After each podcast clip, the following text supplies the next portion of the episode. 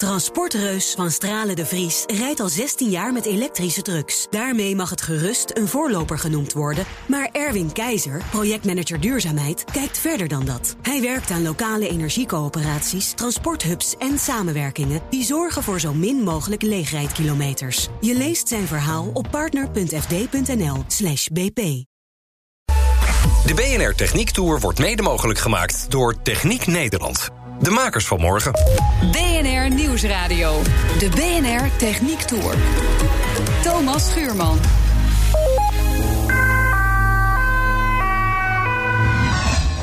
Op je knieën. Op je knieën, nu! Op je knieën.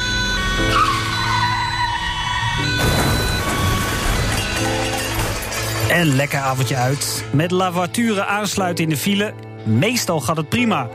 Maar niet altijd is het veilig op straat. Ja, we graag wagen bij Witte de Wit. Eentje gespreid. Ik ben zelf besmet. Er zijn tal van technische mogelijkheden om het gevoel van veiligheid te verhogen. Al zijn sommige lastig vanwege privacygevoeligheid. Maar dat is voor een andere keer. Deze aflevering van de Techniek Tour gaat over veiligheid op straat.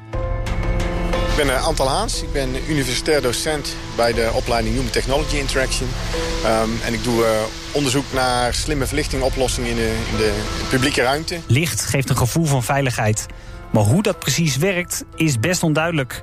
In Eindhoven, kan het ook anders als lichtstad, is de campus dé plek voor onderzoek. Ja, we staan hier in het uh, Living a Light Lab, uh, de Markthal eigenlijk een grote speeltuin waarin we kunnen spelen met uh, slimme lichtoplossingen... maar ook met allerlei sensoren en uh, algoritmes.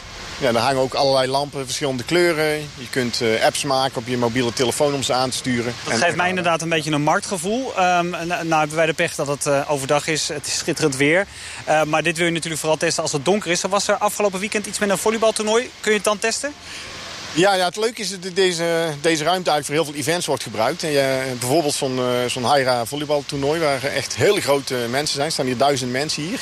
Dus zeker als je denkt voor uh, crowdmanagement toepassingen of uh, beveiliging van, van grote groepen mensen. Ja, dan is het natuurlijk een enorme leuke plek om hier onderzoek te doen naar sensoren. Ja, en wat test je dan?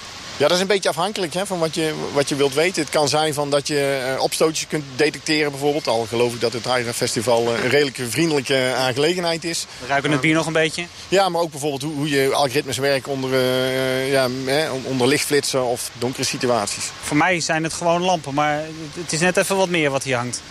Ja, de lampen zijn, zijn ledlampen, de, intelligent. Dus je kunt koel en warm licht, maar ook allerlei kleuren maken. Je kunt ze mixen. En je kunt dat koppelen in principe aan alle sensoren en je kunt dus eigenlijk nieuwe toepassingen van licht bevinden. Antal Haans doet die onderzoeken niet zelf. Hij begeleidt ze. Dan zijn we even naar binnen gegaan in het gebouw. We hebben ook een beetje uitzicht over Eindhoven. Dat zeg ik niet voor niks, omdat ja, het bekend uitgaansgebied hier is Stratums Eind. Daar hebben jullie ook een paar jaar proef gedaan uh, met licht en uitgaan. Wat, wat voor een effect dat heeft op mensen die uitgaan. Kunt u daar iets over zeggen? Wat is daar uitgekomen? Ja, het doel van dat onderzoek was om te kijken of we licht ook op een andere manier kunnen toepassen... dan alleen maar het bieden van, van zichtbaarheid en het gevoel van veiligheid. Maar ook om te kijken of we de, de agressie op een stratum zijn, hè, op zo'n uitgaansgebied kunnen verminderen. Door middel van licht onder andere. Wat hebben jullie daar dan gedaan, getest? Ja, wat we getest hebben is om te kijken of we bijvoorbeeld... Uh, nou, we weten vanuit literatuur en labonderzoek... dat misschien het wat warmer licht hè, de, de, de sfeer op straat kan verbeteren... zodat die wat prettiger wordt, dat mensen wellicht ook de reacties, die ze, hè, de, de, de manier waarop ze aangesproken worden door anderen op een, andere, op een meer positieve manier gaan interpreteren. En we hebben eigenlijk gekeken van ja, kunnen we nou door de ene week kouder licht te hebben, de andere week wat warmer licht, kunnen we nou zien dat die sfeer op straat verbetert. En we hebben ook geprobeerd om dan aan te tonen van ja, hè, dan, dan is er ook minder agressie op straat. Nou, dat laatste bleek heel moeilijk te zijn. Uh, omdat het gewoon heel moeilijk meten is. Uh, zeker die mildere vorm van agressie. Hè, zoals ja, een beetje pesterijen en geschreeuw en geduw. Maar wat we wel zien is inderdaad dat, dat, dat, dat je met licht die, die, die, die atmosfeer, zoals we het noemen, kunnen verbeteren. Dat die misschien minder, ja, minder beklemmend wordt. Minder tense, zoals we het noemen. Um, gespannen. Gespannen, ja. En, en, en wat plezieriger. Heel simpel eigenlijk. Door straatverlichting te vervangen door ledverlichting. En daar dus mee te spelen. Geeft licht een gevoel van veiligheid? Als het donker is? Ja, dat, dat is echt uh, wel, wel goed vastgesteld. Um, en dat is ook niet zo gek. Um, wij zijn geen nachtdieren. Dus we hebben licht nodig om te kunnen functioneren s'nachts. En nou ja, om te bepalen of iets veilig is... Ja, hebben we informatie nodig uit die omgeving. En we zijn visueel ingesteld. Dus ja, licht is nodig om voor zichtbaarheid, om informatie uit de omgeving te kunnen halen. Ja, en weet u ook hoeveel licht daarvoor nodig is?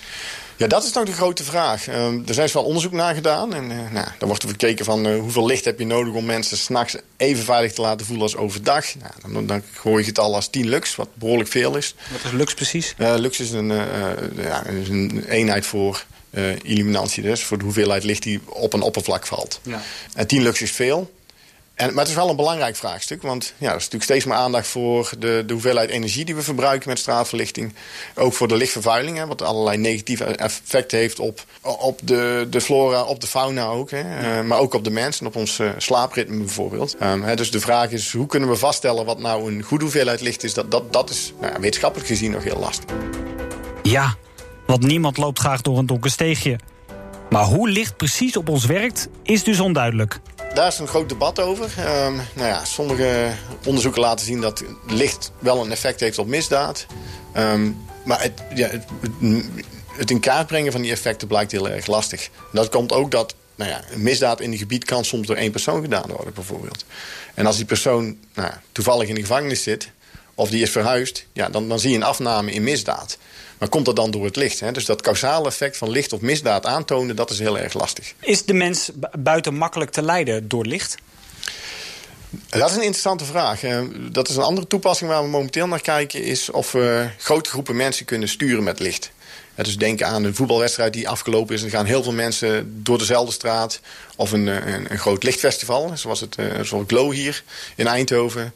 Um, daar hebben we in 2017 een experiment gedaan om te kijken van... ja, kunnen we mensen nou dat die, die routekeuze... gaan we linksom een object of rechtsom een object... kunnen we dat beïnvloeden met licht. Je kunt toch ook gewoon met pijlen? Ja, het voordeel van licht is dat het dynamisch is. dus je zou kunnen zeggen, um, op het moment dat het echt nodig is... dan zet je op een bepaalde deel van de straat het licht aan... met het hoop dat mensen daarheen gaan. En op andere momenten is het niet nodig. Ja, dan, dan moet je of die pijlen vervangen... of je moet dynamische pijlen hebben. En de vraag... Ik neem aan dat als, uh, als u wil dat ze naar links gaan... dat er dan uh, naar links een pijl gaat die licht is, die helder is... die duidelijk zichtbaar is? Of kiezen mensen toch ook misschien wel voor wat donkerdere types? Nou, uit het experiment blijkt is dat tot op een bepaalde mate van drukte mensen zich wel degelijk laten leiden door licht. En dan is het niet een, een, verlichte pijl, dan is het echt een, een straat die wat helderder verlicht is. En de andere straat maak je bijvoorbeeld wat donkerder. En dan blijken mensen zich toch meer te kiezen voor die, voor die wat beter verlichte straat. En we zijn nu aan het kijken of we dat dus ook dynamisch kunnen inzetten. Dus dat we kunnen meten hoeveel mensen de ene route nemen en hoeveel mensen de andere route nemen. En of we dan met gedurende een, een avond eigenlijk die stroom van mensen kunnen optimaliseren. Zodat ze zo snel mogelijk of zo efficiënt mogelijk eigenlijk door zo'n door zo'n knelpunt heen gaan. In het uitgaansgebied van Eindhoven is de laatste jaren getest wat licht met veiligheid doet. Maar dat bleek nog niet zo makkelijk. Drie geweldsincidenten rond het uitgaansgebied Stratums Eind. Het doet de straat, die toch al een imagoprobleem heeft, geen goed. Natuurlijk is er agressie op Stratums Eind. En er zijn incidenten, die worden door de politie, de zware incidenten worden vastgelegd. Um, maar dat zijn er relatief weinig. En dat betekent dus als je statistisch wil aantonen dat met een bepaalde licht, hè, met een bepaalde uh, lichtinstelling er minder agressie is dan anderen, dan heb je heel veel data nodig. Maar met weinig incidenten per weekend heb je dus echt heel lange tijd nodig om de statistisch aan te kunnen tonen. Een project van jaren. Dat, dan, wordt, vele jaren. dan wordt het echt een project van vele jaren. Ja, en als je dan ook nog uh, verschillende iteraties wil doen met wat voor lichtinstellingen lijkt nou het beste te werken en, en daar onderzoek naar willen doen, dan, dan wordt dat heel erg moeilijk. Zo ziet Anton Haans van de Universiteit Eindhoven dat er nog meer lichtbehoefte is in ons land. En dat die door ledverlichting makkelijker ingevuld kan worden. In ons land hangen meer en meer camera's die op papier bedoeld zijn om de veiligheid te vergroten. In hoeverre het onze privacy aantast is interessant, maar die discussie laten we in dit programma even los. In het oplossen van uitgaansgeweld worden camera's steeds slimmer. Ik ben Gertjan Burghouts, ik ben onderzoeker bij TNO op het gebied van videoanalyse.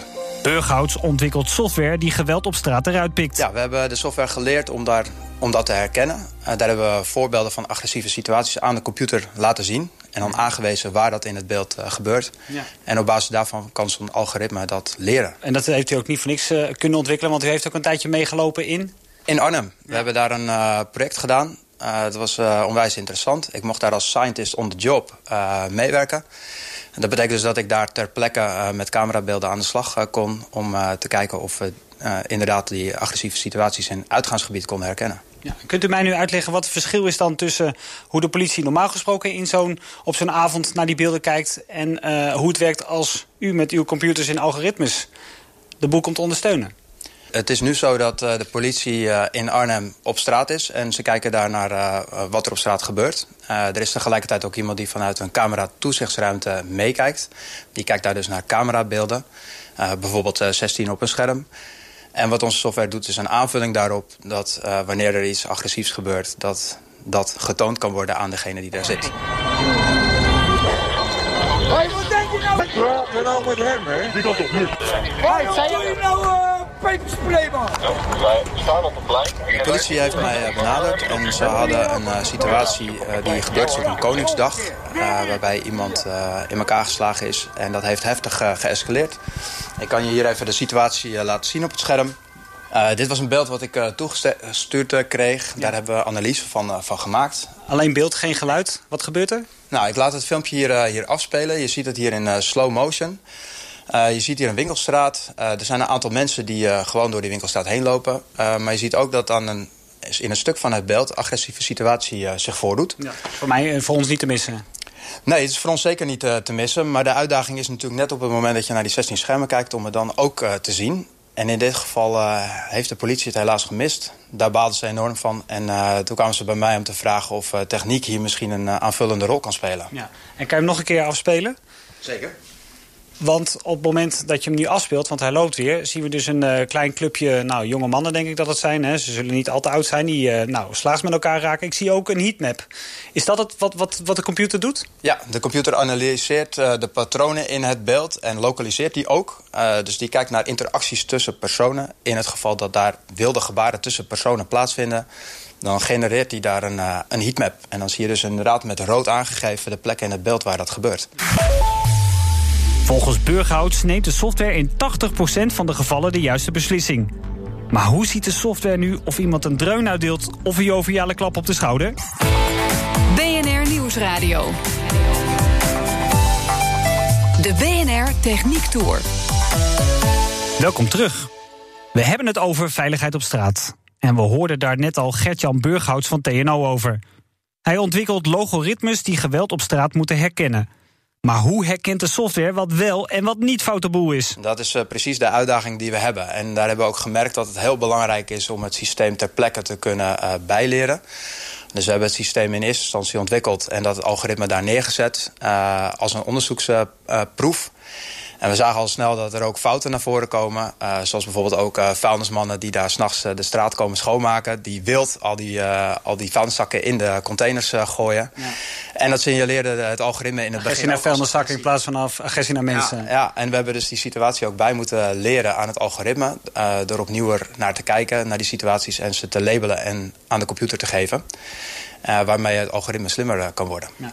Dus een vechtende beweging, dus slaan en schoppen, haalt hij er min of meer uit? Zijn er nog andere momenten die zo'n computer eruit haalt? We kijken nu vooral naar agressie en dan gaat het echt over de, bewegingen. Maar we zijn ook bezig met allerlei andere projecten... waar bijvoorbeeld ook andere vormen van gedrag, zoals valdetectie... iemand die flauw valt, dat soort gedragingen herkend kunnen worden. Bewegingen herkent de computer vrij goed maar niet in welke context die beweging past. Ja, dat soort nieuwe ontwikkelingen, dat staat zeker nog in de kinderschoenen. We noemen dat zelf hier uh, hybrid AI. Dus het is een hybride vorm van kunstmatige intelligentie... waarbij we zowel kijken naar patronen, maar ook naar kennis die we hebben over uh, waar we naar kijken. En dan gaat het er vooral om, neem ik aan, om dat grijzige gebied te kunnen filteren. Van wat is nou links en wat is nou rechts. En dat is heel moeilijk voor een, uh, voor een computer. En we uh, begrijpen eigenlijk door zo'n algoritme te ontwikkelen... pas hoe, uh, hoe slim we dat als mens doen.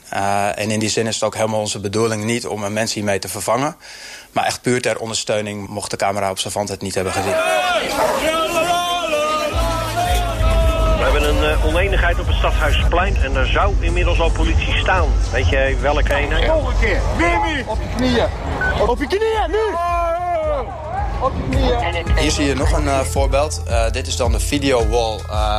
in, in 16 vlakken zie je hier 16 camerabeelden tegelijkertijd. Van dezelfde straat? Van dezelfde straat. Het is heel moeilijk hier om, om te zien wat er eigenlijk plaatsvindt. Je moet je maar voorstellen dat je 16 films tegelijkertijd moet, moet kijken. Dat is onwijs lastig. Daar is ook allerlei literatuur over bekend dat mensen dat gewoon heel moeilijk vinden. Ja. Je ziet door de bomen het bos niet meer. Nee, je ziet door de bomen het bos niet meer. Hier zie je bijvoorbeeld ook uh, sommige dingen kunnen achterin het beeld gebeuren. En ik zal de video uh, starten. En dan kun je ook zien dat we opnieuw naar die, die heatmaps hier op het scherm uh, zien. Zie overal weer rode vlakken met uitlopers naar groen, geel, blauw aan het einde. Ja, dat klopt. En die zijn dan op die 16 schermen allemaal te zien. Maar je ziet dat door die software bij te leren zijn op een gegeven moment er drie situaties over van deze 16 schermen. En dat zijn inderdaad drie schermen waarin uh, inderdaad ook een uh, agressieve situatie aan de hand is. En hoe, hoe gaat dat dan zo meteen in zo'n controlekamer dan eruit zien? Gaan die, die heatmaps daar dan ook op die schermen komen? Ja, onze voorstelling is, maar dit is allemaal nog uh, echt in de onderzoeksfase... dat er een scherm naast uh, de man die naar de camerabeelden kijkt uh, komt staan. Ja, een soort VAR. ja, een soort VAR. En die helpt gewoon om even mee te denken met wanneer de camera-observant het niet heeft gezien. Kunstmatige intelligentie dus. Al heeft dat ook ongewenste effecten. Zogenaamde bias. Ongewenste onbalans eigenlijk in hoe het algoritme iets beoordeelt... Dat is iets waar wij hier heel erg uh, veel onderzoek naar doen. Omdat het natuurlijk belangrijk is om dat soort ongewenste effecten uit algoritmes uh, te halen. Ja, want hij zegt dat er iets aan de hand is, terwijl er niks aan de hand is. Precies, en dat is nog erger als er op een gegeven moment dan vooroordelen aan te pas komen. En dat is dus wat we bias noemen. Een van de aspecten waar we bijvoorbeeld aan kijken qua ontwerp is om dan die bias er al uit te halen. Bijvoorbeeld door niet te kijken naar uh, huidskleur. We kijken hier naar beelden die vertaald worden naar een grijs beeld... zodat kleur er niet meer toe doet. En dus ook huidskleur nooit in het algoritme kan komen. Want dat is een nadeel van kunstmatige intelligentie. Dat je ook uiteindelijk niet weet waar die precies op triggert. Dank, Gert-Jan Burghouts van TNO. Als er één plek is waar veiligheid op straat van belang is... dan is het de plek waar we door de hoge snelheid het meest kwetsbaar zijn. We weten dat de auto van de snelweg is afgeraakt en tegen die pijler is aangebotst. En daarbij is inderdaad brand ontstaan. Inmiddels is de A4 uh, leeggehaald. Je ziet dat daar uh, al het verkeer uh, door onder begeleiding van de politie van de snelweg wordt gehaald. En het is ook nu afgesloten. Toch behoren onze snelwegen tot de veiligste ter wereld. En dat komt onder meer door het signaleringssysteem dat inmiddels al behoorlijk wat jaartjes in werking is. Ik ben Pieter van der Veen, werk bij Rijkswaterstaat. De, de dienst verkeersmanagement noemen we dat. Ja. En wij houden ons hier met name bezig met het verkeersmanagement op de snelwegen in Nederland. Ja, we staan als het ware in het epicentrum daarvan in Utrecht. Ja. Uh, natuurlijk ja, het mooie uitzicht op al die camera's. Hoeveel camera's hangen er in Nederland? Ja, dat zit zo rond de 3500 camera's op snelwegen in Nederland. Ja, en dus zien we ook mensen fysiek achter een bureau ja, naar die camera's kijken. Is het nog steeds mensenwerk? Het is voor een groot deel nog steeds mensenwerk. Uh, tenminste daar waar het gaat om de speciale dingen. Als je even kijkt naar de filebeveiliging zoals we die op de snelwegen hebben. Die, uh, dat, dat systeem meet de snelheid van het verkeer. En reageert daar automatisch op met beelden boven de weg. Hè. De bekende 70 en 50 die je ziet op het moment dat je in, in een file in gaat rijden. Mm -hmm. Dat gebeurt volledig automatisch. Op het Hoe moment... gaat dat dan eigenlijk? Hoe werkt dat systeem? Dat, dat, de, er liggen lussen in de weg. Dus meetlussen. Die meten hoeveel auto's er overheen gaan en hoe snel ze rijden. Op het moment dat die snelheid op een van de rijstroken onder de 35 km per uur komt, dan gaat dat systeem die signalen tonen. Dus 70 en 50 als waarschuwing van u komt, u nadert langzaam rijdend verkeer. Sinds de invoering, na het bistongeval in 1990 bij Prinsenbeek, is het aantal kopstaartbotsingen met 75% op de snelwegen afgenomen. Een plotselinge mistbank en te hard rijden. Die twee factoren leiden vanochtend bij Breda tot een ongekend grote verkeersramp.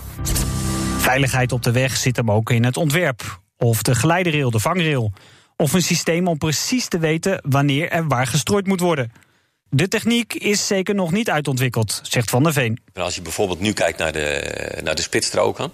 die moeten voordat ze opengesteld worden, uh, moeten ze geschouwd worden... om te kijken, staat er toevallig een auto, ligt er rotzooi op... oftewel, kan die veilig open gezet worden. Dat hele stuk moet bekeken worden? Dat hele stuk moet bekeken worden. Nou, dat gebeurt nu min of meer handmatig. Een operator hier in de centrale die uh, schakelt telkens drie beelden voor... en loopt zo die hele spitsstrook af. Dat kan, als het lange stroken zijn, kan dat vrij lang duren. Um, er zijn nu ontwikkelingen, die wij de slimme camera noemen... die die spitsstrook voor ons schouwt. Dus dat is een, een camera met een stuk uh, herkenningssoftware daarachter... die kijkt, ligt er iets, staat er iets en is die vrij, ja of nee? Ja, dan is het vloep, vloep, vloep en dan is die klaar. Precies. Dat, dat is echt een kwestie van, uh, van nou, zeg, zeg, even een halve minuut en het, het, is klaar. Hij kan open. En dat gaat eraan komen? Dat gaat eraan komen. Die gaan we, als het goed is, volgend jaar uh, operationeel testen. Waar? waarschijnlijk in Limburg, maar dat is nog niet helemaal zeker.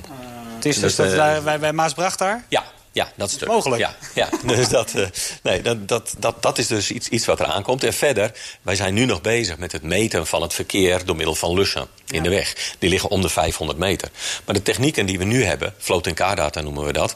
Uh, uh, als je met je telefoon over de weg rijdt, die telefoonprovider die weet waar jij bent. Mm. Niet gepersonaliseerd, maar hij weet, daar rijdt een auto met die snelheid. Mm. Nou, op het moment dat, die, dat, dat, dat bij heel veel auto's het geval gaat zijn, dan heb je al hele goede beelden. In ieder geval over de snelheid ja. die daar gereden wordt. En een veel fijnmaziger netwerk. Ja, in plaats van dat we nu pas meten als we over een lusje rijden. Ja, precies. Uh, wij, wij hebben nu dus meetvakken, zoals we dat noemen, van uh, ergens tussen de 500 en de 1000 meter.